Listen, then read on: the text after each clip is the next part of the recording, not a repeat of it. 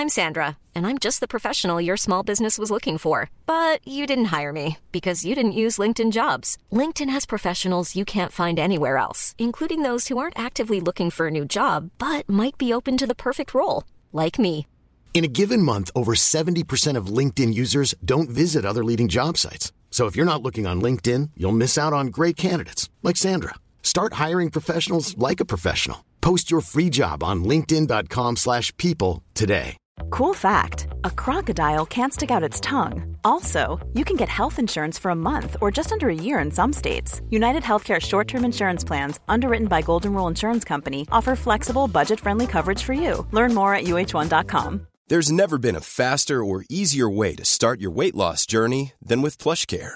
PlushCare accepts most insurance plans and gives you online access to board-certified physicians who can prescribe FDA-approved weight loss medications like Wigovi and Zepbound for those who qualify. Take charge of your health and speak with a board-certified physician about a weight loss plan that's right for you. Get started today at plushcare.com slash weight loss. That's plushcare.com slash weight loss. plushcare.com slash weight loss.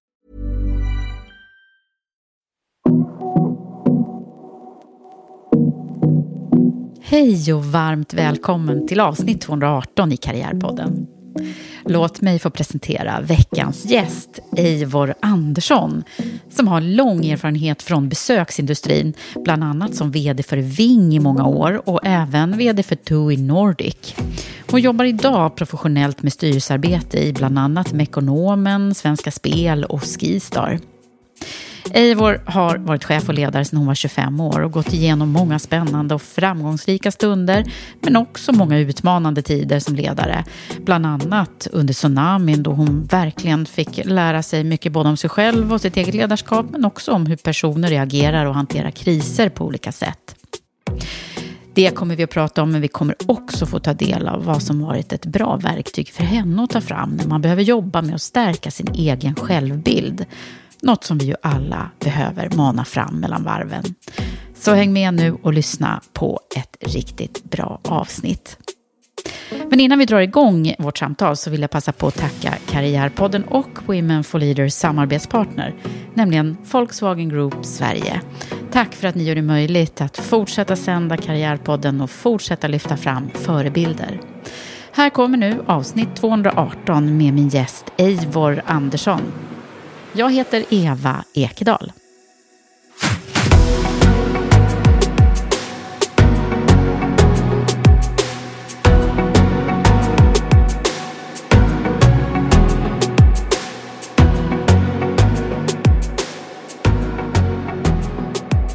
Eivor Andersson, välkommen till Karriärpodden. Tack så hemskt mycket. Nu är du här hos mig. Ja, Och jag har spännande. längtat efter att du ska komma, därför att eh, det finns så många intressanta saker som jag vill prata med dig om. Och um, framförallt så är det ju så att jag, jag, när, jag, när jag fick nys på att du eventuellt var intresserad också av att vara med, då, då tänkte jag så här, åh, det är ju liksom resebranschens eh, urmoder. Eller så kanske man inte säger, men lite så. Och jag har ju själv börjat min bana där, så det kändes liksom roligt att få återkoppla till en, till en bransch också, som ju, det är otroligt mycket som har hänt, som du verkligen har varit med och utvecklats tillsammans med, kan man säga. Ja, nej, men det har varit fantastiskt spännande och otroligt utvecklande. Inte bara för branschen, men också för mig. För eh, min egen erfarenhet och för mitt ledarskap. Och, ehm, det har ju blivit många år för mig eh, som har varit resindustrin, eller besöksindustrin kan man kanske kalla det idag, Ja. har varit i fokus. I princip hela mitt yrkesliv. Ja, det är ju det. Men det var inte riktigt så det började. Så nu, nu Eivor, ska vi liksom eh, lära känna dig från allra första början. Och då hamnar vi i Vasa, eller? Då hamnar vi i Vasa i Finland, ja. Mm.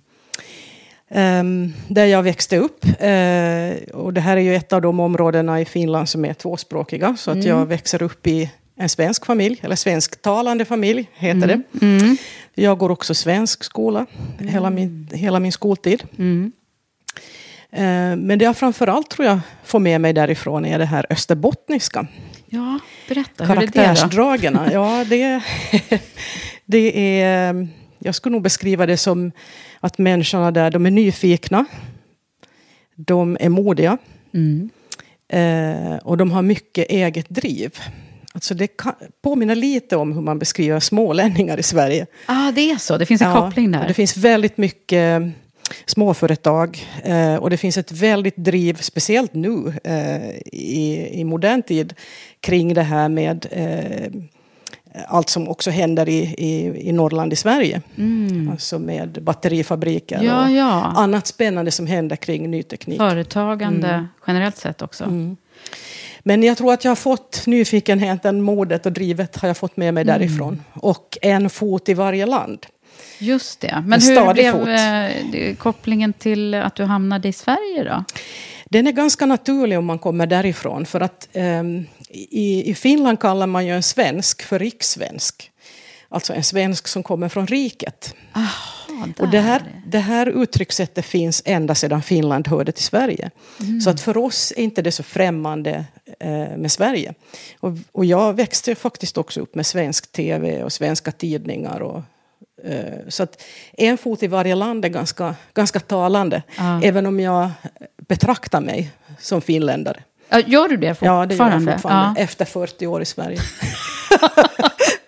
ja, men så har du ju varit väldigt aktiv också i eh, Finlands svenska föreningen, eller vad ja, den heter. Finska akademin. Finska ja. akademin. Mm. Ja, men det stämmer. Eh, och eh, det är också ett nätverk som jag har varit med och grundat. Uh -huh. och det vi brukar säga där är, är, som är så fantastiskt med det, förutom alla uh, spännande uh, nätverk, andra nätverkskompisar man har, så är det ju också det att man behöver aldrig börja och berätta vem är du och vem är jag. Nej. För vi har alla ett gemensam, en gemensam bakgrund. Nämnaren där så vi kan börja är... diskutera sakfrågan på en gång. Ja, mm. precis. Det är det det är när man har en sån där tydlig ja. Eh, plattform på något sätt. Men du, vad härligt. Och jag sa ju till dig innan, nu måste jag jobba med det här, så jag börjar också försöka prata finlandssvenska eh, i vårt samtal. Det är alltid så med mig. Men jag jobbar på att inte göra det, för det sker helt omedvetet. Men då vet ni allihopa att om det skulle bli så, så Oh, så, så sker roligt, bara, tycker jag. Tycker du? ja, men du, jag har ju liksom forskat lite på din karriär och sådär. Men, men det är ju ändå så roligt att få höra dig berätta. Hur, hur tänkte du från början? Vad drömde du om att det skulle bli?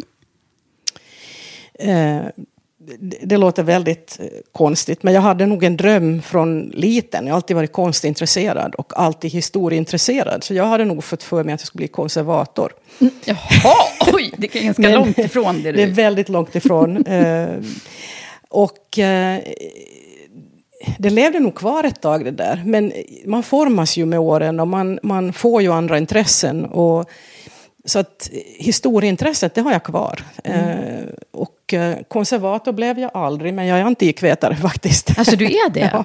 Okej. Men, eh, ja. Men det där går ju faktiskt att göra. Jag menar, har man ett starkt intresse så kan man ju, man behöver ju inte jobba med det om man inte... Men det var ju väldigt smalt. Ja. Väldigt, väldigt smalt. Och det kom jag nog på ganska tidigt. Men jag var nog, som de flesta andra i den där åldern, hade ingen idé riktigt om vad jag exakt skulle göra. Mm. Eh, utan jag gick ju eh, i gymnasiet och jag, sökte, jag skrev studenten och jag sökte in på Åbo Akademi, eh, som man ju gör. Det gör man där, ja. Mm. Och eh, kom in på någon helt ny linje som hette internationella relationer. Men jag hade också jobbat i Sverige eh, i flera år, på somrarna och på loven och i Stockholm. Eh, och åkte dit igen, som jag brukar. Mm. och Eh, någon gång där strax efter examen så kom jag på att nej, jag är trött, jag är skoltrött. Jag tar ett, jag tar ett pausår eh, och jobbar istället. Och sen åker jag till Åbo. Mm. Och det där sen blev ju aldrig nej, det blev sen. Inte så. Utan då, eh, då blev jag erbjuden ett jobb på något som så småningom blev Scandic, men på den tiden hette det fortfarande SO Motorhotell. På deras bokningskontor. Ah. Och där fick jag, eh, förutom att då eh, jobba med bokningar och sånt, så lärde jag mig danska på kuppen. Mm. För alla sprang när danska linjen ringde. Och jag då som var från Österbotten och ansvarsfull, jag tog ju de samtalen. och förstod ingenting. Nej. Men ja, så lärde jag mig danska. Okay. Och det har jag ju haft stor nytta av. Där blev det lite nordiskt. Genom livet, mm. ja. Men eh, den jag tyckte jag hade lite tur där. För jag hamnade också i ett sammanhang, där ett företag som växte väldigt kraftigt, som fick nya ägare, som satsade på företaget. Och, eh, och det fanns också väldigt mycket duktigt ledarskap eh, och väldigt mycket vilja. Man ville skapa saker. Eh, och i, den där miljön så såg man mig. Och att jag också ville mycket och hade ambitioner. Mm. Och eh, valde att satsa på mig. Så mina- här, så här kommer det nu, en första sån här insikt låter det som. Att du fick, det var någon som såg dig, det var massa positiva eh, saker som hände. Mm. Redan tidigt i karriären. Ja, och, och också en, en miljö där, där det var en väldigt kraftig tillväxt. Så man behövde ju också alla, alla talanger man kunde hitta. Eh, och eh, var duktig på att hitta dem. Och jag tror att i det sammanhanget kom jag. Och då fick jag också alla de här möjligheterna. Så mina första tio år på, eh, tillbringade jag på Scandic. Ja. Eller det som idag är Scandic. Precis, och eh, försäljningsdirektör. var jag när jag slutade då, eh, efter tio år. Men mitt första chefsjobb fick jag eh, redan när jag var 25. Och det fick jag mot min vilja. Jaså? För jag ville inte ha det. Men du fick det ändå? Eh, jag hade en klok chef eh, som då sa till mig att eh, kanske du ska fundera en gång till på det här. För att nästa gång det finns ett jobb ledigt och det är det som du vill ha, då kanske de inte frågar dig om du säger nej den här gången. Och jag sa egentligen nej bara för att jag kunde ingenting om området. Jag tyckte ju att ska man bli chef så måste man, det var lite gammaldags tänkt kanske, men ska man bli chef så borde man kanske kunna något om, om det man ska vara chef för. Och det här var reklamavdelningen. Och jag kunde ingenting om reklam. Men det här är nog kanske det roligaste jag har gjort i mitt liv. För jag sa ju ja då till slut och, och tog jobbet. Eh, och eh, lite var det känslan av att som det är i såna här sjörövarfilmer när man går ut på Spången och har en sån här bindel för ögonen och så hoppar man. Ja, det var så. det Lite kändes. den känslan hade jag. Men ja, det var så roligt. Och jag hade sån tur för att jag fick också medarbetare som eh, tyckte att det var roligt att det var just jag som blev deras chef. Och Ja. chef hette det ju på den tiden, Ja, det det, var, hette inte ledare. Nej, precis. Men, men det där är ju en ganska viktig grej, tänker jag, eh, för din framtida utveckling då. Dels att du gjorde det och att den här personen också stötte på lite och sa att du, du ska nog fundera. Ja, och, det, och jag kan säga att det var nog kanske vägdelaren för mig. Eh, att, jag, att jag vågade, dels att jag vågade ta jobbet.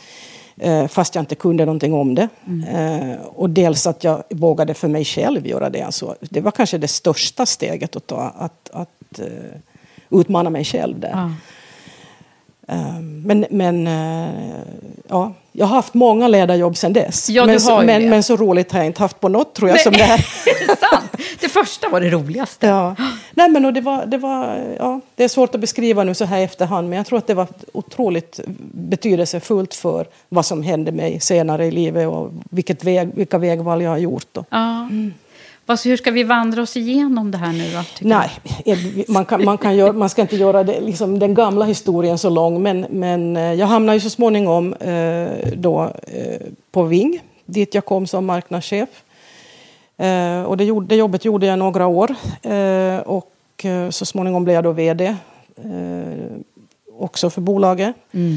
Och eh, så småningom blev jag också vd för alla bolagen i Sverige. Men det mest intressanta då kanske med allt det här, det, blev, det var 20 år totalt som jag var inom den sfären eller hade Ving som min röda tråd. Men det känns inte som 20 år, för det känns som en massa olika typer av jobb och företaget ändrades omkring mig, fick nya ägare flera gånger. Eh, vi förändrade verksamheten, vi gick igenom en total digitalisering eh, väldigt tidigt, eh, s- kanske som banbrytare. Ja. Det här är ju liksom väldigt spännande att följa nu när man studerar det i, i lite så här historiskt perspektiv. Att det, det här var ju liksom en hel bransch som var tvungen att ställa om. Jag jobbade ju där när, när vissa av de här kontoren hade eh, såna här lappar som satt på en anslagstavla. Som, och alla lappar eh, visade hur många platser det fanns kvar på flyget. Liksom. Eh, det var ju verkligen så eh, det var. Och vi hade såna här jättestora terminaler på skrivborden som... Ja, men samtidigt var ju resebranschen, eh, i och med att det är en bransch med så präglad av logistik, ehm, så tror jag också att man var väldigt tidig på att, att se på vilket sätt man kunde använda eh, data, som det hette då, för att eh, ha bättre kontroll på flödena och på bokningssituationen och på eh, allt, liksom i hela produktionen av, av en resa. Precis, allting händer ju i realtid också. Eh, Ja. Nu försvinner det två platser. Så det Ja. var ju sån när de här stod på, som jag ser framför mig nu, det var faktiskt inte där jag jobbade, det var, det var en annan, det var spisresor. Mm. De hade ju en sån här eh, stor, som, en, som jag tänker som ett frimärksalbum bakom alla säljarna. Så när man visste ju inte, ja, då, i och för sig, man visste ju att två platser försvann när någon tog, men det var ju bara där man kunde se det. Ja. Nej, men och jag tror faktiskt att just det här drev eh, tidig utveckling. Så att eh, jag kan säga att när jag började på Ving, då, då låg de väldigt... Jag tyckte att de låg inte bara i framkant utan före väldigt många företag eh, just då. Och hade egenutvecklade system eh, som man hade då eh, jobbat med själv. Och eh, de är fortfarande idag, så vitt jag vet, grunden i, i hela deras idag mycket avancerade eh, business intelligence-system. Så att jag, jag tror också att man var, att man var tidigt på den bollen så gjorde också att man var modig i eh, när man kom fram till att nu blir e-handel eller online som hette då någonting stort kanske. Så var man intresserad att prova. Och sen tror jag också att det förstås hjälper det ju till om man har en kultur där man, där man ständigt provar nya saker och ständigt vågar eh, utmana sig själv. Eh, Så det och hjälpte där nog har också du till. gått i bräschen kan man ju säga då. Som vd måste man ju gilla den här eh, nya förändringen och utvecklingen hela tiden. Ja, och sen tror jag man måste vara väldigt övertygad själv om att det är rätt. Eh, För att som ledare behöver man ju också man kan inte alltid förklara hur saker och ting ska bli, men man måste ha en tro eh, och man måste kunna eh, liksom peka på vägen eh, som man ska gå tillsammans. Och man måste kunna ge en känsla av att det finns en bättre framtid för oss alla där Ja, lite framme. längre fram. Och det tror jag är en viktig, enormt viktig ledaregenskap, att man, att man vågar ha den där tron själv. Och det är klart, har man då eh, möjlighet som jag hade att jobba i en bransch som jag tyckte väldigt mycket om och som gjorde att jag hade ett väldigt stort engagemang själv. Så klart att det hjälper ens ledarskap också. Att, att man jobbar med någonting som man verkligen tycker om. Ja. När du tittar på den här resan nu, liksom från att ändå ta klivet till vd-jobbet och så. Vad, vad var det för viktiga nycklar som tog dig dit, tror du? Men jag tror jag, jag är tillbaka lite där, där jag började, det österbottniska. Jag tror de egenskaperna är ganska viktiga en ledare. Att man är nyfiken, eh, att man har en egen stark motor, en egen drivkraft eh, och att man är modig. Men man behöver ju ha många fler egenskaper. Man behöver ju vara empatisk och lyhörd. Eh, och man, man, jag tror också att det finns ett väldigt, en viktig egenskap i det att man tycker det är, det, det är roligt med ansvar och det är roligt att driva resultat. Det är roligt att eh, utveckla någonting från en sak till en annan som blir bättre och som ger ett bättre resultat. Alltså jag tror den drivkraften är väldigt viktig. Och jag tror att den har nog varit min största motor att, att jobba med, och är fortfarande i de uppdrag jag sitter i idag. Liksom känslan av att man är del av en utveckling som man kan, där man kan bidra eh, till att någonting blir bättre. Bättre. Mm. Det låter ju fantastiskt kul att vara runt omkring dig då, när det händer så här. Var det alltid kul? Förstås var det inte alltid kul. Lite ledande fråga där kanske. Jag vet ju Nej, att det inte alltid är det. Därför att det, ibland är det väldigt svåra tider. Ja, men även svåra tider kan, eh, upplevs ju inte som roliga precis där och då. Men när man tänker på dem efteråt så är det oftast då man har lärt sig som allra mest. Eh, och jag har ju haft då fördelen att jobba i besöksindustrin och är det någon industri, och i alla fall reserdelen av den, så är det att man jobbar nästan ständigt i någon typ av kris. För det är någon typ av kris någonstans. Och ibland är de små, ibland är de stora och ibland är de gigantiska som nu den senaste pandemin förstås har varit. Ja. Men eh, det präglar nog, tror jag, väldigt mycket eh, både människorna som jobbar i industrin och, och, och det präglar förstås också ledarskapet. Att man måste hela tiden vara beredd på att göra saker på ett annat sätt. Eller att ändra en plan eller att eh, stanna helt upp och springa åt andra hållet eller släppa allt man har eh, och göra någonting annat. Kanske är det så att resebranschen fostrar många ledare på det sättet, tänker jag också. Jag känner själv att jag har i mig en del av det där, att man Mm. nästan är som bäst när det är någon strejk. Liksom. Ja, nej, men jag är helt övertygad om att det är så. Ja. Eh, och jag tycker ju, som har varit så många år i branschen, jag träffar ju på mina tidigare kollegor överallt Ja. eh, idag. Och på det ena mest spännande jobbet än det andra. Så att, visst är det här en, en bra skola, det är det. Det är jättemånga som har hamnat i min bransch också. Alltså, eh, från, från, eh, från resebranschen till rekrytering och bemanning och HR eh, är det ju väldigt många som, som Ja. har tagit sig. Så jag vet att vi, vi var ett helt gäng som bara, ah, vad jobbar du för Atlasresa? Jag jobbar på Ving. Och, här, fast vi då var i, i rekryteringsvärdet då. Ja, nej, men jag tror ju det här, det här me- mellanmänskliga lär man sig väldigt mycket om också. Hur människor är eh, och hur människor är i kris. Eh, Och det är då inte bara medarbetare eller, eller eh, kollegor utan det är ju även kunder som kan hamna i kris. Ja, Så att man, man stöter ju på väldigt mycket ska man säga, händelser eller, eller situationer som man är tvungen att klara av fast man inte har gjort sånt tidigare utan man är bara tvungen att kanske improvisera. Ja, precis. Men du Eivor, det hände ju så otroligt många saker. Men när jag var med om, om, om strejker och, och kriser och vi har haft många saker i liksom flyg och i omvärlden såklart när det är kriser. Men den allra jobbigaste erfarenheten när det kopplat till det där, vad, vad är det för dig? Eh, Det är nog tsunamin eh, när det skedde. Ja, såklart. Och ehm, dels var det... Då var du på... Ja, då var jag på Ving. Eh, och eh, det här var ju julannandagen, eller juldagen, eller julannandagen, kommer jag i- faktiskt inte ihåg just nu. Men det var också någonting så oväntat. Alltså, vi var vana vid kriser och katastrofer och att förändra och vi hade planer på att flygplan kanske skulle få problem och vi hade en massa krisplaner som vi hade jobbat på och tränat på. Så, men ingen hade eh, tänkt sig det här, att det här var ett scenario som skulle kunna hända. Det fanns inte i vår begreppsvärld. Nej. Och inte att det skulle hända på tre ställen samtidigt. För vi tänker ju Thailand, men det hände ju även på, eh, i, i Indonesien. Sri Lanka och det hände också, det fanns också en påverkan på förstås Maldiverna och även på Afrikas kust.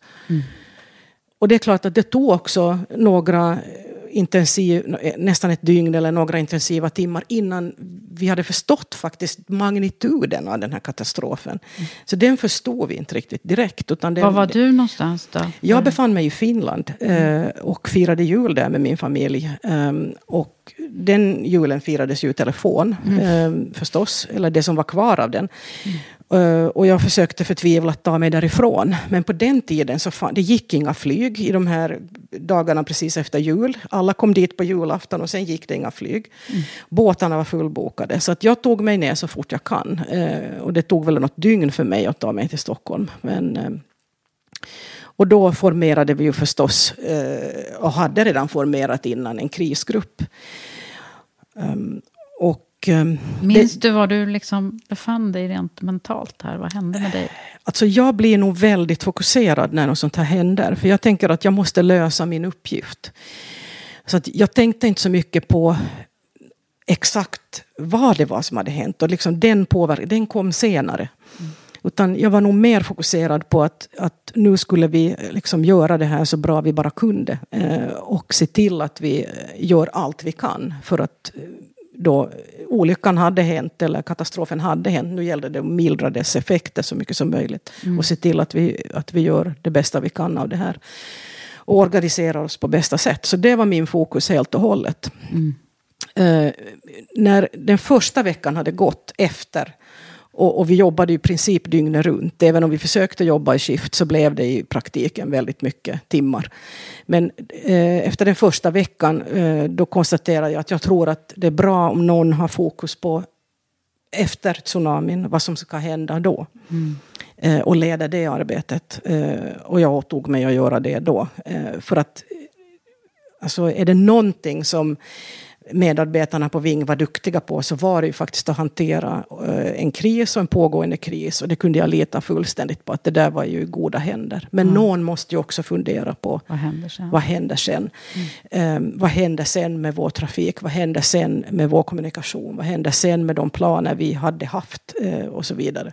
Så att där la jag min fokus. Men i veckorna sen, för det handlade ju om veckor som vi jobbar med det här.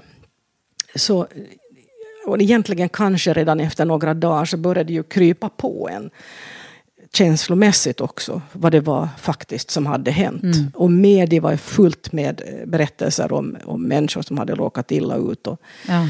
och det är klart att man blir påverkad. Visst blir man ju det. Men, ja. men, eh, och, och där är vi ju så olika som människor. Eh, för att en del av oss är rustade att klara det. En del av oss är inte rustade för att klara det. Och det där måste man ju som ledare ha väldigt mycket fokus på så att man inte sätter medarbetare i situationer som de sen inte klarar av. Ja, det, det är sådär man måste liksom ta hand om lite traumatiska upplevelser och så såklart efteråt. För dem, dels de som var där också mitt i det här och arbetade. Ja, absolut. Så att det händer mycket med, med oss människor under en sån här, mm. under en sån här kris. Men, Vad är dina liksom, reflektioner så här nu i efterhand? Dels på, på dig själv men också på din omvärld. Alltså, det jag lärde mig om mig själv var att, att jag faktiskt eh, kan klara att fokusera mitt i en sån här kris. Att jag, att jag, jag lärde mig hur jag reagerar. Och jag reagerar genom att bli extremt fokuserad. Eh, och extremt fokuserad på det jag ska göra. Och, och skalar av det, det andra. Mm. Det lärde jag mig. Och, och, det tror inte jag, det är ingenting man lär sig. Jag tror att det händer med en precis där och då. Men jag hade också kollegor som jag eh, beundrar djupt, som hade skött många kriser, men som inte klarade den här. Därför det kröp för, det mm, kröp mm, för nära in, in på skinnet. Och det får man ju vara väldigt öppen och obs för att så kan hända. Ja, precis. Och, och det, det, det man tror kanske inte är... Alltså, det, är inte som det man... man tror är stark är kanske inte stark. Nej. Och den som man Eh, jag såg också kollegor som jag eh, liksom inte hade tänkt mig i de här sammanhangen plötsligt reser sig upp och blir två meter långa mm. och, och tar kommando. Som fungerar jättebra i de här. Ja. Så att det, spännande spännande det mänsklig erfarenhet. Förstås tråkigt att man ska behöva mm. vara med om den. Men, men efteråt när jag tänker tillbaka så är det en av de mest lärorika mm. um, processer eller händelser jag varit med om. Skulle du göra någonting annorlunda idag? Vi har andra hjälpmedel idag. Det här var ju som före eh, den stora digitaliseringsvågen och vi hade inte de eh, sociala medier till exempel som vi har. Eh, så det är klart att idag det, går det ju att kommunicera på ett helt annat sätt. Men det mm. gick ju inte då. Nej. Så det är klart att mycket av, av den typen av hantering skulle man ju göra på helt annat sätt idag. Mm. Mm. Men då fick man ju använda de hjälpmedel man hade. Mm. Det var ju så. Mm. Men du, vi kanske kommer tillbaka till det där. Men jag tänker på din resa på Ving, nästan 20 år eh, blev det totalt. Mm. Och Thomas Cook också. Mm. Eh, hur gick det till när du slutade? Hur ja. gör man det som 20 år? Nej, men nu är det bra, eller? Nej, men jag hade väl, det, och det, det, här är väl en naturlig process i alla människor. Jag, eh, alltså, jag trivdes otroligt bra alla de här åren. Jag hade roligt varje dag. Eh, jag hade aldrig tråkigt. Och det är faktiskt inte så många som kan säga det om 20 år på samma ställe. Men förstås med åren så börjar man ju känna att ja men, ja, men Ska jag göra det ska, ska jag inte göra någonting annat i mitt liv än det här? Mm. um, och jag hade börjat också i, jobba med styrelsearbete. Uh, hade gjort det en fem år ungefär. Bland annat eh, Coop och SJ och ja, Ja, SJ hade jag då börjat mm. med till exempel. Mm. Och började väl känna att nej, men jag kanske nog ska göra någonting annat. Och den där känslan, när man väl får tag i den tanken så bläckste den sig bara starkare. Och jag såg framför mig eh, att alternativet skulle vara att man var kvar och till slut lyssnar ingen på vad du säger. För att där har vi hört hundra gånger och så. Mm. Så att jag bestämde mig för att jag slutar. Ah. Vad coolt. Och det var tufft. Mm. Eh, för det var eh, känslomässigt tufft. Både att ta beslutet men också att genomföra det förstås. Att, att lämna det där som på något sätt ändå var lite min baby. Uh Och alla mina eh, kollegor som har blivit goda vänner med åren. Och, ja. Mm. Fick, du, fick du hjälp att fatta beslutet eller hur, liksom, eh, hemma? Eller vad, vad? Nej, det Nej. fick jag inte. det var ingen som tyckte du skulle sluta där? Nej, men hemma har jag haft full support alltid. Mm. För vad jag än har fått liksom, för idé att göra så har jag alltid haft full support. Så det, det, är inga problem. Nej, men det tuffa var tror jag nog, det var, det var jag själv. Mm. Att, att liksom komma fram till att jag faktiskt skulle lämna. Um, mm. Men tänkte du att du skulle bli styrelseproffs då eller? Eh, nej, det, det, det, gjorde jag inte. Utan jag hade via ett styrelseuppdrag eh, fått ett erbjudande om ett, ett annat. Som inte kanske var något, det var inte beskrivet som ett jättelångt jobb utan det var mer ett projekt på en två, tre år. Som jag, har, som jag tog då istället. Och det var att bygga upp eh, en, eh, ett marknadsbolag på Coop. Mm. Som jag jobbade med då under ett, ett halvårs tid. Eh, och ehm, det var ungefär 100 anställda eh, då, när jag lämnade det. Var det. lite mm. liksom, eh, mindre än det du hade haft såklart. Det är betydligt mindre, men mm. å andra sidan var det väldigt spännande för att det var också att forma någonting nytt. Eh, och att bygga upp de disciplinerna eh, som behövdes för att driva eh, egentligen all marknads och försäljningsutveckling på Coop. Mm. Så det var väldigt spännande, väldigt utvecklande uppdrag. Mm. Men eh, det blev väldigt, väldigt kortvarigt. Ja. För vad hände? Eh, för att den personen som var min ordförande, som rekryterade mig dit, eh, den personen slutade innan jag kom dit.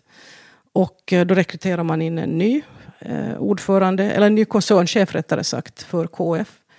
Och eh, ja, jag vet inte riktigt om jag hade otur ändå. Att ha, jag tror inte att det var så mycket det jag hade, om jag hade gjort några fel eller någonting jag inte hade gjort, utan det var nog fel färg på tröjan. Ah, okay. Mm. Så kan det också vara. Så kan det också vara, och det var tufft. Mm. Vad hände med dig då? Det låter som det här är en liten svacka här nu va?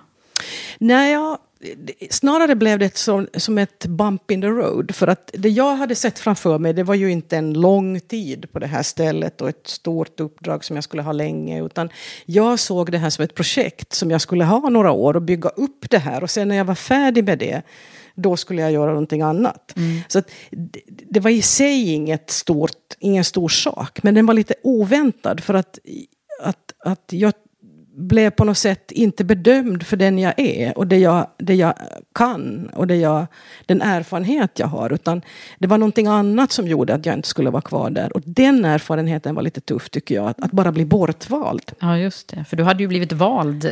Jag hade ju blivit vald hela för, tiden. Liksom, ja, mm. några, ett halvår lite, lite drygt innan. Ja. Och så blir man plötsligt bortvald.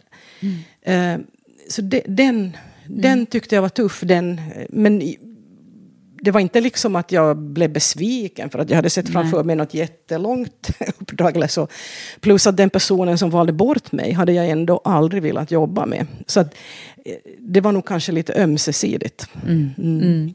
Ja, men så där är det ju. Och det är det här med, med eh, människor, eh, samverkan på olika sätt. Ja, men det, men det är lärorikt det här också. Ja, eller hur? Nu men kommer det upp när du reflekterar mm. här. Så det, det... Samtidigt kan jag bli lite arg när jag tänker på det. För det är så motsatsen till hur jag själv är. För att jag tycker ju att alla ska ha en chans. Mm. Att alla ska få vara med och alla ska få en chans att visa vad man kan.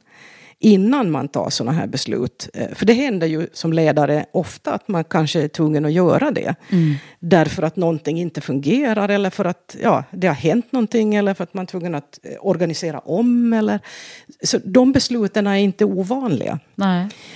Men eh, ofta så finns det, några, det finns någon anledning till varför man tar det här beslutet. Eller man har kanske, jag skulle som ny ledare inte bara plocka bort folk hur som helst. Utan jag skulle först se vad är det jag har här för någonting. Och lära känna de människorna. Mm. Och sen skulle jag ta det beslutet. Så det gick lite emot dina, dina värderingar. mina egna värderingar och mina egna principer. Och det, det tyckte jag var tufft. Mm. Men uh, vi är ju olika.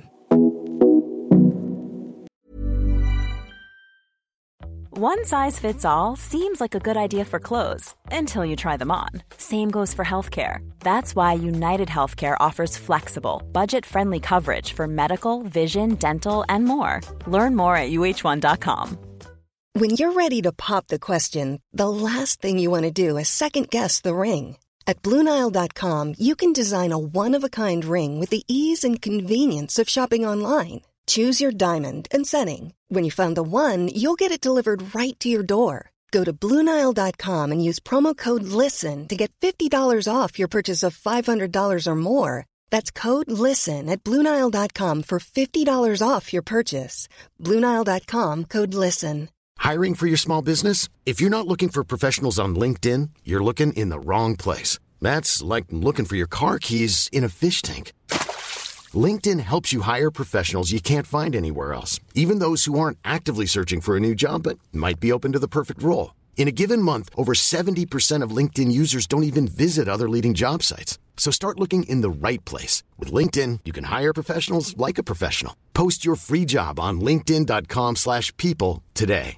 Many of us have those stubborn pounds that seem impossible to lose, no matter how good we eat or how hard we work out. My solution is PlushCare. PlushCare is a leading telehealth provider with doctors who are there for you day and night to partner with you in your weight loss journey. They can prescribe FDA-approved weight loss medications like Wagovi and Zepbound for those who qualify. Plus, they accept most insurance plans. To get started, visit plushcare.com slash weight loss. That's plushcare.com slash weight loss. Many of us have those stubborn pounds that seem impossible to lose, no matter how good we eat or how hard we work out. My solution is PlushCare. PlushCare is a leading telehealth provider with doctors who are there for you day and night to partner with you in your weight loss journey. They can prescribe FDA-approved weight loss medications like Wagovi and Zepbound for those who qualify. Plus, they accept most insurance plans. To get started, visit plushcare.com slash weight loss. That's plushcare.com slash weight loss.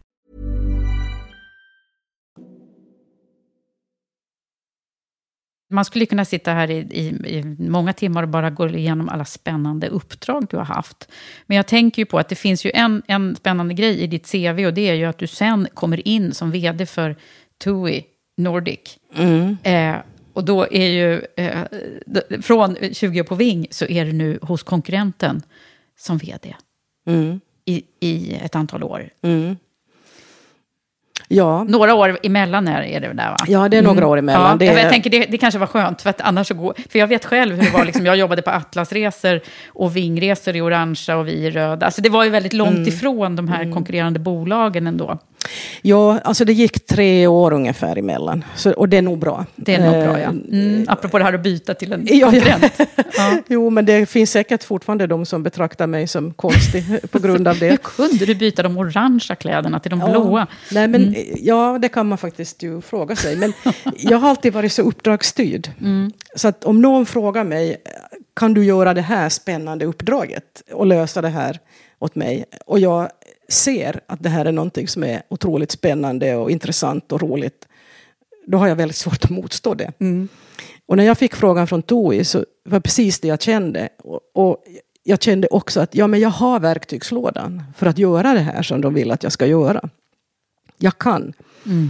Eh, och sen tyckte jag det skulle förstås också vara lite intressant att se hur fungerar det bolaget då, Ja. jämfört med det jag kom ifrån.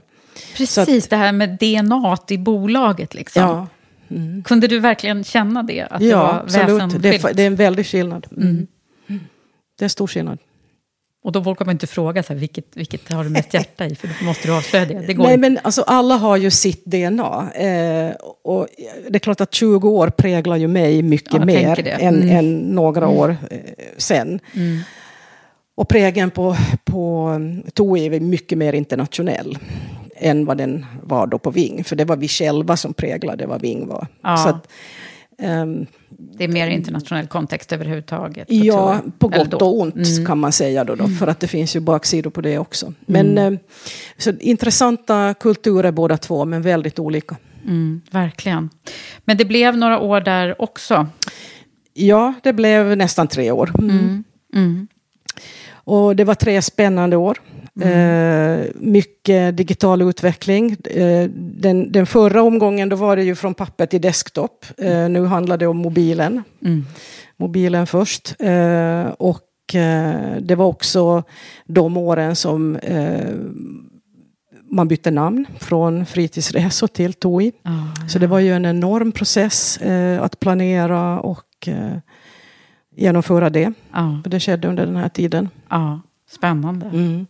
Och det fanns väldigt mycket annat som också pågick. Eh, stor, stor kompetensförflyttning som TOI behövde göra för att, att bli riktigt vass i det här digitala eran. Mm. Det skedde också under de här åren.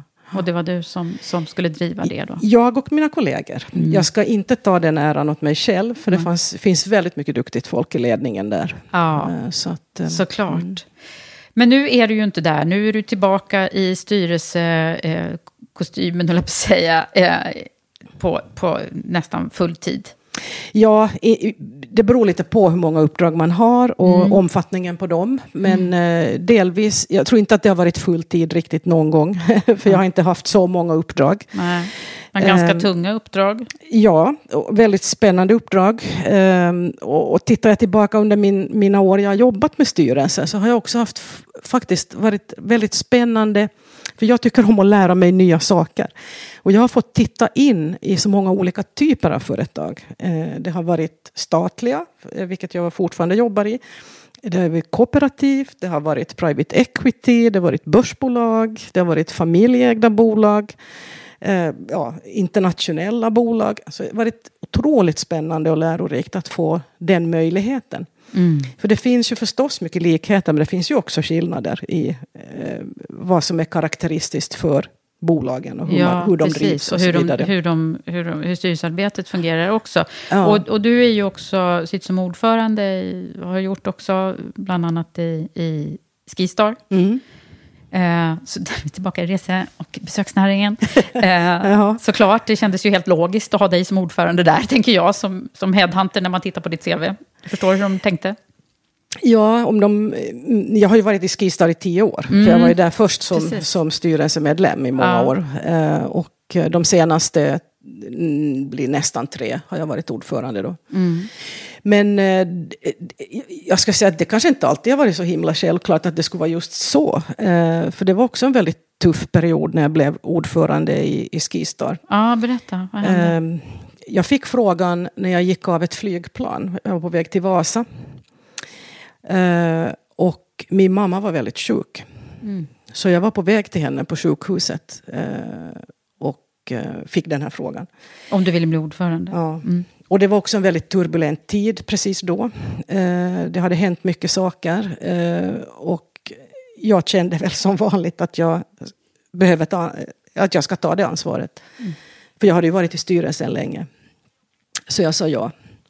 Så mina första tio dagar som ordförande tillbringade jag eh, på sjukhuset med min mamma. Mm. Mm.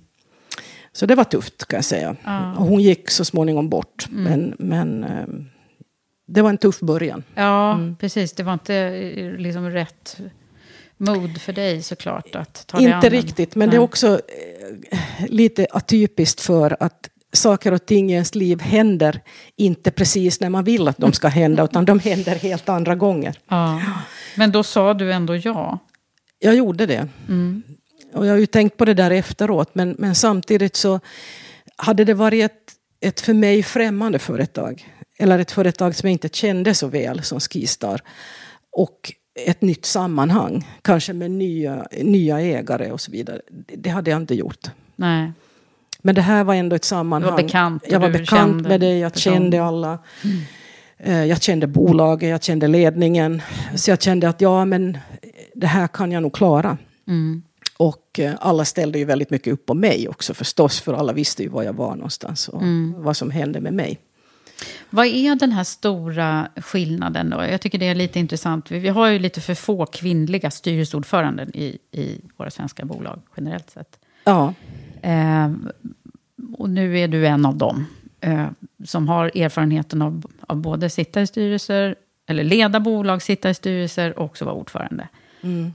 Vad, är, vad är den stora eh, nöten att knäcka för att vi ska få fler att gå in i den rollen? Som det yttersta eh, ansvariga. Nej, men dels så tror jag att det handlar kanske om um, alltså, nätverk jag kan säga att inget av de uh, styrelseuppdragen, eller ytterst få av de, alla de styrelseuppdrag jag har haft genom åren, har jag fått via kontakter. Um, däremot har jag haft väldigt bra referenser alltid. Mm. Förstås, via mina tidigare uppdrag och via mina tidigare chefer och så vidare. Så det har ju varit viktigt att jag har haft. Men, men jag har inte fått dem för att någon har känt någon. Utan en del har kommit via rekryterare, andra har kommit direkt till mig eh, från då antingen eh, ägare eller, eller vd för, för det tillfället. Så det har känts bra för mig att, mm. att det har varit på det sättet. Ja. Men jag tror ju inte alltid att det är så. Utan jag får ibland känslan av att det är mycket fortfarande kontakter. Mm. Och då har man inte samma kontaktnät med kvinnor som man har med män. Och oftast så tittar man också på, när det gäller rekrytering in till styrelse, vanliga styrelseuppdrag, så vill man ju gärna att, att personen ska ha haft vd-erfarenhet. Och jag förstår varför. Därför att det är viktigt att förstå vilken, vilken miljö vdn verkar i och, och liksom förstå var den befinner sig på planeten när man sitter i en styrelse. Mm. Um, och kanske ännu viktigare i ordföranderollen? Ja, absolut. Men jag, oftast blir man ju kanske inte ordförande om man inte har varit styrelseledamot Eller, först nej, i något sammanhang. Så att jag, jag, jag förstår det blir urvalet lite mindre. Mm. Därför att det är inte lika många kvinnor som har varit vd på, på haft tuffa vd-jobb. så vi måste fortsätta göra det som vi gör i Women for Leaders, det vill säga fylla på i alla led. Liksom, ja. Så att det blir det blir som massiv. Nej, men det tror jag. Mm. Och, och, då kommer också nätverken, då kommer det här naturliga. Eh, och jag, och jag tänker ofta att den här liksom jämlikhetsfrågan, det borde vara en icke-fråga idag. Mm. Alltså vi borde ha lämnat den bakom oss. Det borde vara så självklart. Mm. Men det är inte. Nej. Och det måste ha att göra med att vi vi, liksom, vi växer upp med en viss struktur, vi lär oss en viss struktur, så fortsätter den här strukturen tills den strukturen inte finns längre. För att så småningom fejdar den ju ut. Mm. Uh, och då blir det naturligt. Men den här processen den tar ju alldeles för lång tid, tycker ja, jag. Den gör ju det. Mm. Så det är bra att du hejar på oss också ja. i Women for Leaders här, där vi gör. Eh, eftersom vi försöker snabba på hela den här processen. Ja, men, och det tycker jag är jätteviktigt. Mm. Och jag tror också, även här är det ju viktigt att se Eh, inte, inte bara titta på eh, liksom det, det, ska man säga, det tekniska CVt, utan se på den här personen. Vad kan ja. den här personen uträtta på ett ordförandejobb? Ja, verkligen. Du, jag tänker att vi ska ge oss in i, fördjupa oss lite i ledarskapsfrågorna, för jag tycker att det är så intressant att höra dig prata mer om vad, vad är det som har liksom gjort att du har ändå fått de här eh, framgången i, i, att få nya förfrågningar, nya jobb och allt det där. Vad, vad, tror du att det bottnar sig? Nu får du vara lite psykolog till dig själv här. Mm. vad är det som... Jag kan förstå då nyckeln med, med din uppväxt och, och så. Mm, mm. Att du fick mycket med dig därifrån, från mm. gener och så. Mm. Men vad, vad, är det mer? Finns det några, några personer som har varit viktiga, händelser som har spelat in i din Ja, så det är klart, det, det är ju viktigt med förebilder. Det är mm. det ju alltid. Och jag har ju haft turen att ha väldigt mycket duktiga chefer eller ledare genom åren. Eh, och, och, det betyder mycket. Eh, de har nästan alla varit män. Inte alla, men nästan alla. Mm. Mm. Men, det finns bra eh, män. ja, det gör det. Men duktiga förebilder. Men sen så tror jag nog att man måste tycka om att vara ledare. Man måste trivas i den rollen. Man måste eh, eh, tycka att det är okej okay att ta tuffa beslut. Man måste ha mod. Och man måste, jag tror att man måste känna att det här är någonting som jag vill. Mm. Eh, för det, det, kan inte bli bra annars. Nej. Och sen så tror jag att man behöver vara intresserad av människor eh, i med och motgång och uppgång och nedgång och i alla, alla slags eh, situationer. Mm. Och att man är hyfsat duktig på att läsa av situationen så att man också kan anpassa sig. Mm. Så det är väl en kombination av allt det här. Men jag tror framförallt är det det att man måste vilja och tycka att det här är kul. Mm. Um, och det har du gjort? Ja, det har jag, jag har tyckt. Att ja. Det har varit otroligt roligt, spännande och Har du haft eh, mentorer och coacher och mentorer längs vägen? Ett undantag faktiskt, och som betydde otroligt mycket för mig. Ehm, och det är Patricia Tudor Sandahl som jag hade den enorma fördelen att få ha som mentor mm. under ett års tid. Vilken dröm! Det är ju författaren och, och hon är ju fantastisk. Ja, och det var också en väldigt speciell tid för mig för att eh, jag var helt nybliven VD. Mitt första VD-jobb. Och råkade ut för eh, personlig motgång, en, en separation med väldigt mycket jobbiga förtecken och eftertecken. Mm. Eh, Jätte... För jobbigt privat? Liksom. Väldigt jobbigt för mig privat. Eh, parallellt med att jag skulle då vara helt ny på det här jobbet. Och det var mitt första stora jobb. Och, och Apropå så. att saker händer samtidigt. Vilket det har en tendens att göra. och då fick jag möjligheten att, eh, att jobba med Patricia. Och mm. det har betytt enormt mycket för mig. Och det här är nu många år sedan, så jag kommer inte egentligen ihåg så mycket av det vi pratar om. Men det, hon gav mig en sak som jag fortfarande använder. Och det är en, en bild. Hon mm. hjälpte mig att mana fram en bild. Eh, som jag fortfarande använder om jag hamnar i en situation som jag känner, åh, oh, det här är jobbigt, hur ska jag nu göra? Eh, och liksom, man känner nästan att man blir lite nervös då manar jag fram den här Åh, bilden. Berätta, vad härligt. Vad är det för bild? Kan du måla upp den så jag får se framför mig? Här? Nej, jag förstår ju nu efteråt att hon, vad hon manade fram med den här bilden, det var ju min allra djupaste självkänsla och min tro på mig själv. Mm. Och hon fick mig att se en bild.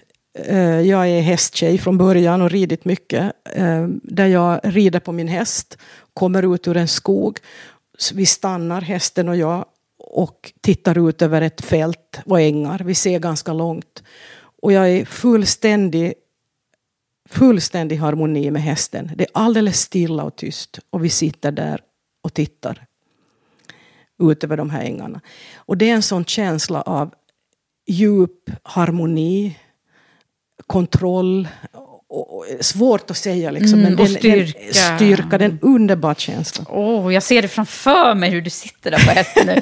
och hon wow. manade fram den här genom att ställa ett antal frågor. Så jag hade ju bilden själv direkt. Mm. Men hon lyckades locka fram den. Och den här bilden har jag använt så många gånger sedan dess. Ah, och, du lyckas mana fram den när det är... Ja, men den kom, nu, nu kommer den själv. Så här, bara, ah, kling. Ja. Men, eh, och det och när, hur gammal var du när, när det här den här tiden när du träffade Patricia? Ja, jag var strax under 30. Ah, mm. så, var inte... Mm. så det är många år sedan ja, idag. Och än så har Men, du den där bilden kvar. Ja, och det, jag, jag, ser det som en fantastisk förmån att jag faktiskt fick den här möjligheten. Mm. Och vad fint, där får hon, hoppas hon lyssnar nu och hör att det fortfarande är med dig. Och, alltså, jag har ju också en bild Eh, ja. Så att jag, jag, bara sitter och ler här för att jag, jag försöker få fatt i min bild. Då. Men det, jag hade ju inte förmånen av henne, men jag har, jag har jobbat mycket med mig själv när jag, mm. när jag studerade till att bli samtalsterapeut och sådär. Så då får man jobba mycket med sig själv mm. först. Och, eh, och då fick jag också en sån där bild som är, inte, inte på en häst dock, men eh, som, som jag har haft väldigt mycket glädje av Mm. I, i, i livet generellt mm. sett. Så det gäller och, att kunna plocka fram den bara när man verkligen behöver den. Nej, men och jag är säker på att vi bär alla på de här mm. bilderna. Mm. Och det kanske inte bara är en, det kanske finns fler. Ja. Men jag hittade den här ena och den var så stark. Så ah. den har hjälpt mig ah. många, många gånger. Ah. Kanske är den som du liksom har, som har varit... Nej, men det, det, är också, jag tror att det, i ledarskapet så måste man orka känna sig trygg med sig själv också. Mm. Det, jag tror att det är jätteviktigt att man, mm. att man har det där lugnet och, och att man inte låter sig för man är ju en förebild för så många andra. Man mm. får inte låta sig, liksom, eh, hur ska jag säga, kladda ut sin egen oro på någon annan. Nej. För det är väldigt lätt att man gör det om man mm. inte tänker på hur man, hur man mm. är. Nej, och man och måste nu... liksom gilla sig själv. Eh, ja. och, och, det där är ju så här, eh, självkänsla och självförtroende. Det är, det är mycket snack om det där. Men det, någonstans så, så ligger det ju så mycket viktigt i det. Trots att vi vill ju inte att folk ska gå omkring och vara självgoda, men det är inte det det handlar om. Utan det, det handlar om att vara den här äh, snäll mot sig själv, mm, eller hur? Mm, ja. Nej, men och sen så tror jag inte att... Eh, jag är ingen oroligt lagd person. Eh, normala fall, jag är väldigt lugn. Mm, eh, känns så. Och, och, och, jag blir väldigt... Händer det något eh, liksom katastrofartat omkring mig, då blir jag ännu mer lugn. Så att jag, men jag tror ändå det är klart att som ledare så man bär ju på många problem. Och man stöter på mångas problem och man stöter på många som har problem. Och liksom, det, är då man måste ändå känna att man själv har styrkan och, och, mm. och kunna dela med sig lite av det. Att inte man själv bär på en massa oro. Nej. Har du haft glädje av det där även i din, ditt privata, din, din liksom personliga ja, utveckling? Absolut. Jag, jag, tycker att det har på något sätt gjort att jag jag har vuxit som människa. Och jag har vuxit i min egen självkänsla. Mm. Att jag, har, att jag har, kan återvända till den där bilden och, mm. och använda den fortfarande idag. Så här mm. många år efteråt. Nu kommer alla som lyssnar vilja hitta sina egna bilder. Hoppas att de gör det nu. Eh, man kan få hjälp genom att bara få massa kloka frågor ställda till sig. Mm. Men, men du, jag har en annan fråga till dig. Och det är en fråga som kommer ifrån min samarbetspartner, eh, Volkswagen Group Sverige, som skickar med en fråga till alla mina gäster just nu. Och den frågan är ju i allra högsta grad relevant, för den handlar om hållbarhet, som vi mm. pratar så mycket om. Mm. Eh, och jag tänker, du är ju, du som har varit ledare i så många olika tappningar här.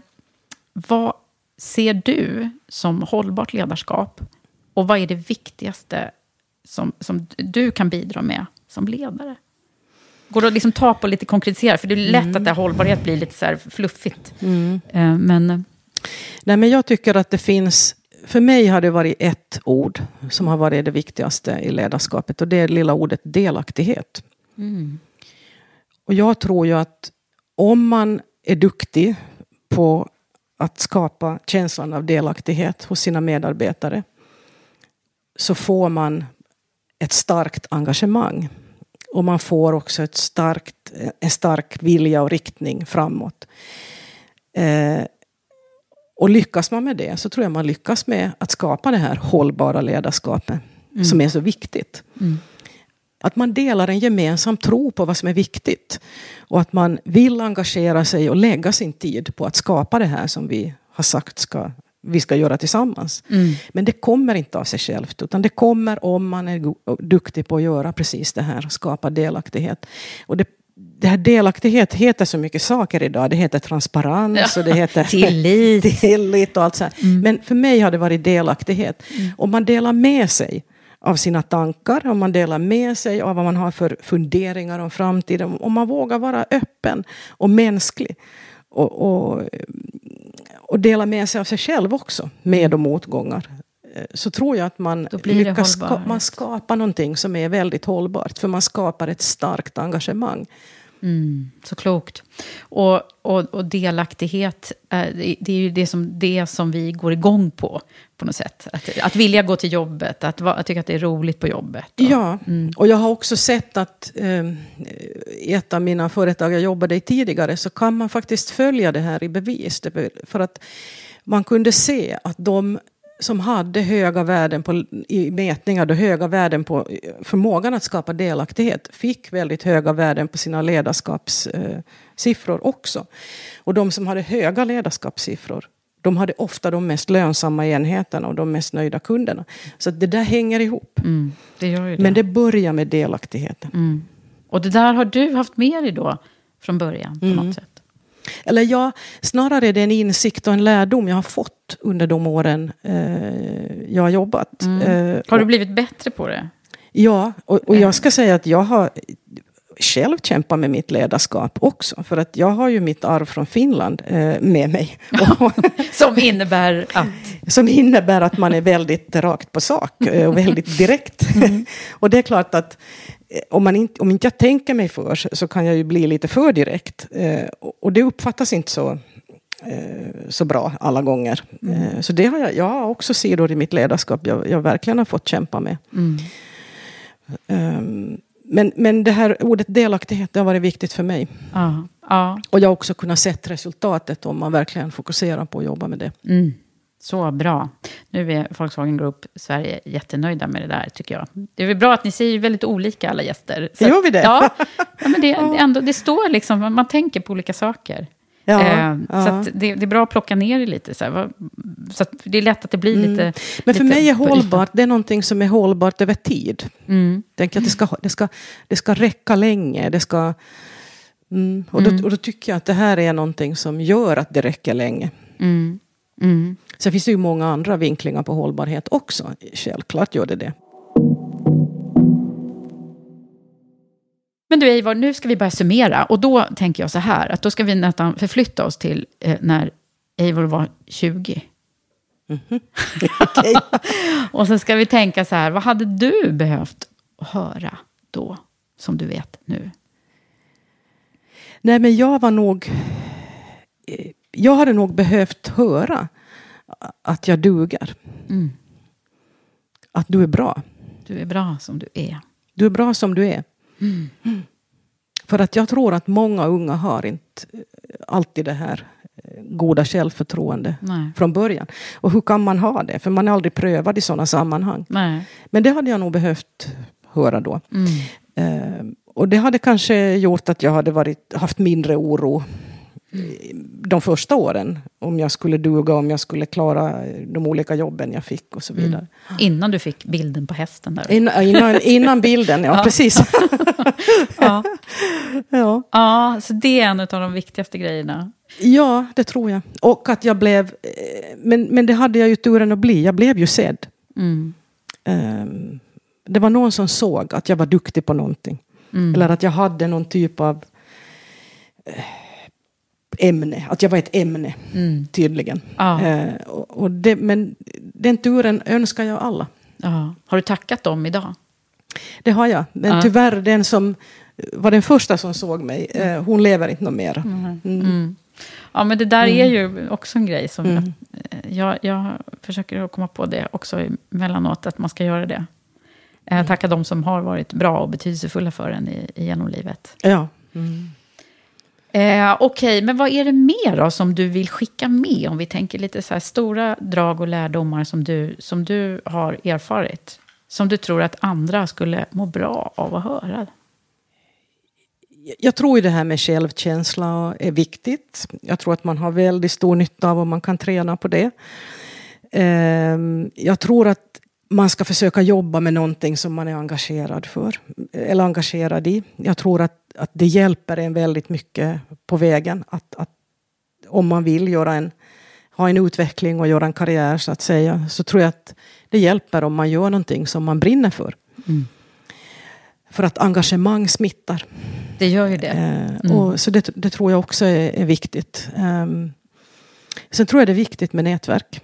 Eh, jag kom hit, hade in, jag kände ingen. Jag har inte mitt nätverk. eh, många har nätverk från Handels eller från universitet där man har gått.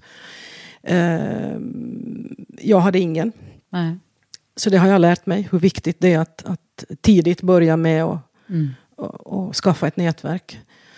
Och hur, hur, bra. och hur bra det är att ha ett eh, när man behöver eh, någon att och, och resonera med i olika sammanhang. Ja, verkligen. Det har vi fått erfara väldigt mycket nu också, när, när många har känt sig kanske lite ensamma här under pandemin. Och Ja. så, eller hur? Ja, och det här ska ju bli väldigt spännande nu efter pandemin, de åren som kommer nu, och se hur mycket har det här påverkat vårt sätt att tänka och vara och, Mm. och jobba och umgås på jobbet. Och liksom, på vilket sätt har det präglat oss? För att det är två år och det är inte slut än. Nej. Så det är en ganska lång tid. Mm. Eh, Lång, lång kris. Lång kris. Mm. Så det, det kommer att få olika efterverkningar. Mm, verkligen. Mm. Men nätverka och ta hand om det. Det tror jag är jätteviktigt. Mm. Mm. Jag tänker att du ska få avsluta med ditt motto. Mitt motto.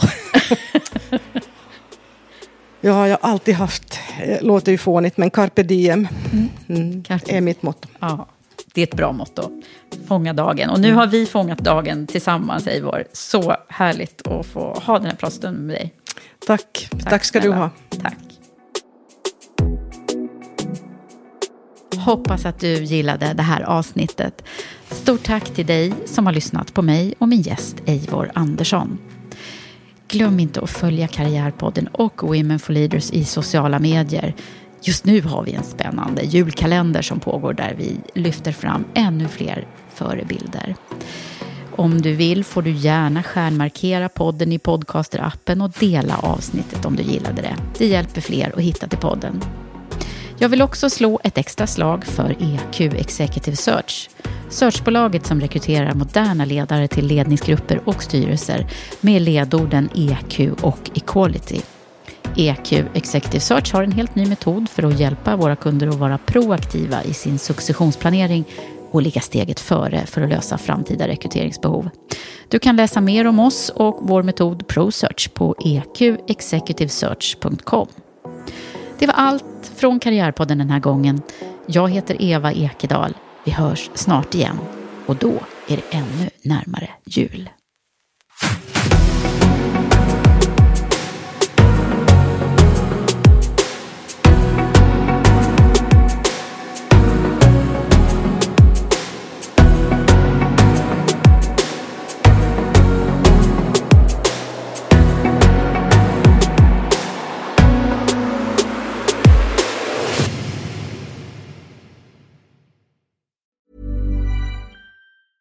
Hey, it's Danny Pellegrino from Everything Iconic. Ready to upgrade your style game without blowing your budget? Check out Quince. They've got all the good stuff shirts and polos, activewear, and fine leather goods, all at 50 to 80% less than other high end brands. And the best part? They're all about safe, ethical, and responsible manufacturing. Get that luxury vibe without the luxury price tag.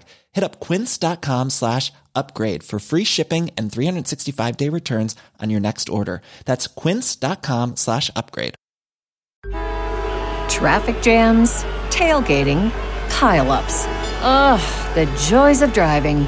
How could it get worse? The federal government wants to have a say in what you drive. That's right. The Biden administration's EPA is pushing mandates that would ban two out of every three vehicles on the road today.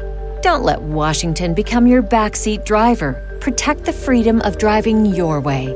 Visit EnergyCitizens.org. Paid for by the American Petroleum Institute.